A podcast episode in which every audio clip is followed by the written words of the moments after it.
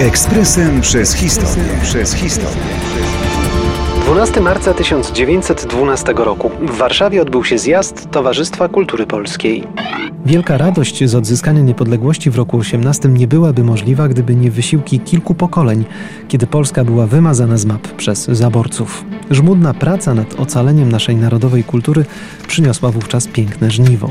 Jedną z organizacji, która niosła kaganek oświaty i kultury polskiej w bardzo mrocznych czasach było Towarzystwo Kultury Polskiej. Położyło ono wielkie zasługi dla ratowania esencji naszego życia kulturalnego. Była to organizacja działająca w Królestwie Polskim stosunkowo krótko, bo od 1906 do 1913 roku. Założyli ją działacze liberalno-demokratycznej partii Związku Postępowo-Demokratycznego. Centralną postacią, jeśli chodzi o ideologię Towarzystwa Kultury Polskiej, był niewątpliwie Aleksander Świętochowski.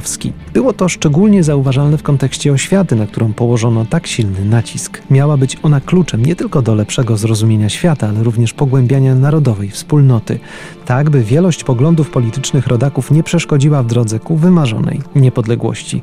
Oczywiście w tamtym czasie ta ostatnia była niczym gwiazda na odległym horyzoncie. Nawet myśl o rzeczywistej autonomii zdawała się być odległym marzeniem. Wartością jednoczącą według działaczy towarzystwa miała być praca na rzecz kultury polskiej.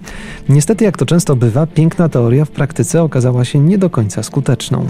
Bardzo szybko w łonie nowej organizacji zaczęły narastać spory o charakterze politycznym.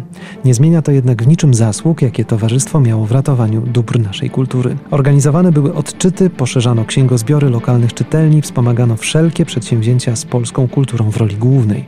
Była to działalność na wagę złota. Ekspresem przez historię. Przez historię.